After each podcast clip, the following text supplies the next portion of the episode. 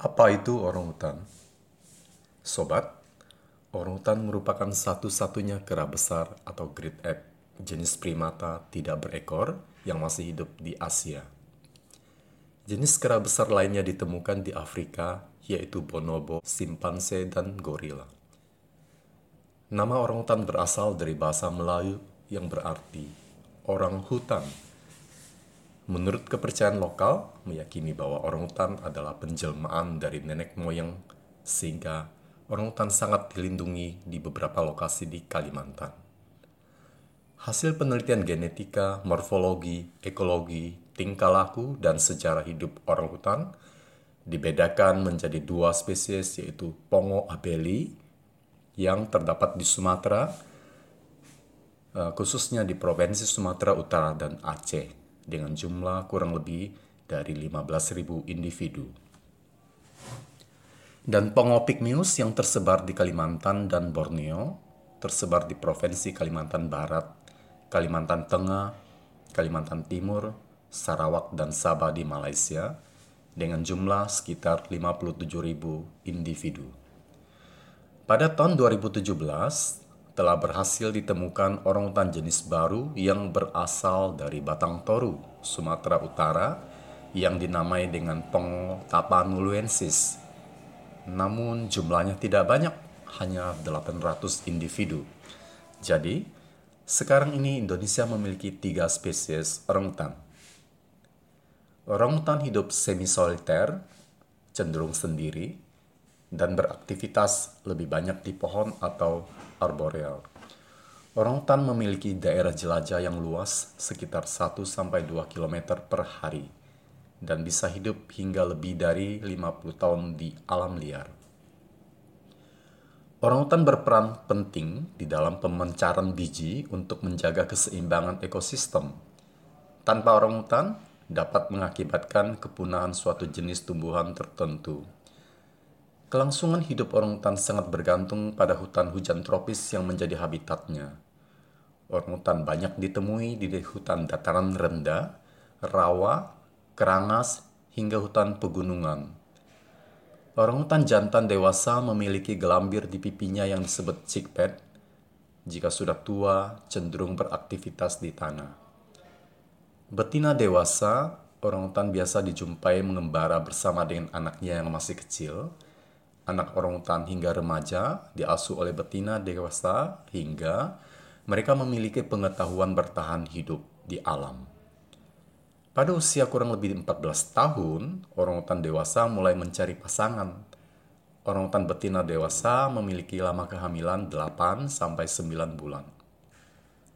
Setiap kelahiran orangutan hanya menghasilkan satu bayi dengan jarak kelahiran 7 sampai dengan 9 tahun ada kasus kelahiran kembar, baik di alam maupun di pusat rehabilitasi, namun kejadian ini sangat langka. Orangutan termasuk satwa frugivora, artinya itu adalah pemakan buah. Namun mereka juga mengkonsumsi daun, liana, kulit kayu, serangga, dan kadang-kadang memakan tanah serta vertebrata kecil. Oleh IUCN pada tahun 2016, status orangutan ditetapkan sebagai critically endangered atau kritis. Baik orangutan Kalimantan maupun Sumatera terdaftar dalam Appendix 1 CITES. Satwa ini dilarang untuk diburu, diperdagangkan maupun dipelihara.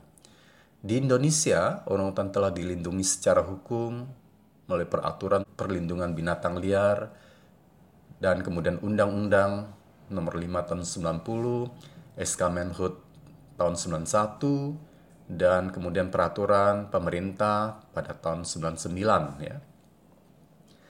Sebagai makhluk hidup yang sangat tergantung pada keberadaan hutan, orang hutan dapat dianggap sebagai wakil terbaik dari struktur keanekaragaman hayati hutan hujan tropis yang berkualitas tinggi. Oleh karenanya, orang hutan dapat dijadikan sebagai spesies payung atau umbrella spesies untuk konservasi hutan hujan tropis Bagaimana nasib orangutan dewasa ini, sobat?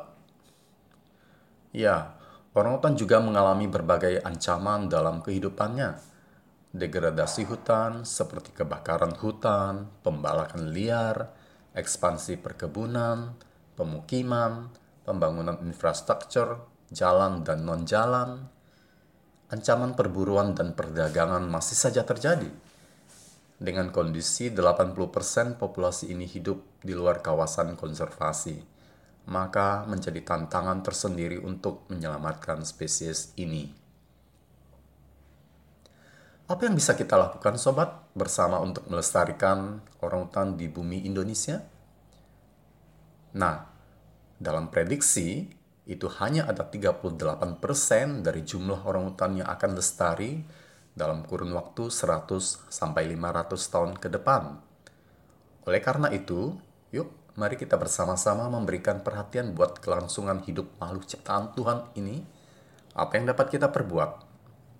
Sekarang, saatnya kita membeli produk-produk ramah lingkungan. Apa hubungannya? Misalnya, belilah tisu yang diproduksi oleh perusahaan ramah lingkungan yang memanen kayu yang sudah tersertifikasi Forest Steward Council atau FSC. Tisu itu kan berbahan dasar kayu yang diolah. Dengan demikian, kita mengurangi jumlah luasan hutan habitat orangutan yang terus dirambah. Apalagi, bagi pehobis primata, tidak memiliki niat untuk memelihara bayi orangutan yang kelihatannya imut-imut dan lucu. Namun sebenarnya bayi orangutan yang tertangkap paling tidak satu individu lainnya telah tewas, yaitu ibunya. Ibu orangutan tidak akan pernah melepas anaknya kecuali terbunuh pada saat mempertahankan anaknya dari pemburu. Mari kita wartakan pula ke kawan-kawan kita informasi ini agar tidak ada di antara kita yang berniat untuk memiliki peliharaan orangutan. Bagaimana kalau kita bersama-sama menjadi pemerhati lingkungan juga dan memonitor kondisi-kondisi yang mengancam kelestarian orangutan. Jika terjadi kasus, misalnya kebakaran habitat orangutan, perburuan dan perdagangan, pembangunan infrastruktur yang melanggar tata ruang, sobat bisa menggalang suara publik untuk bersama-sama menghentikan ancaman-ancaman tersebut.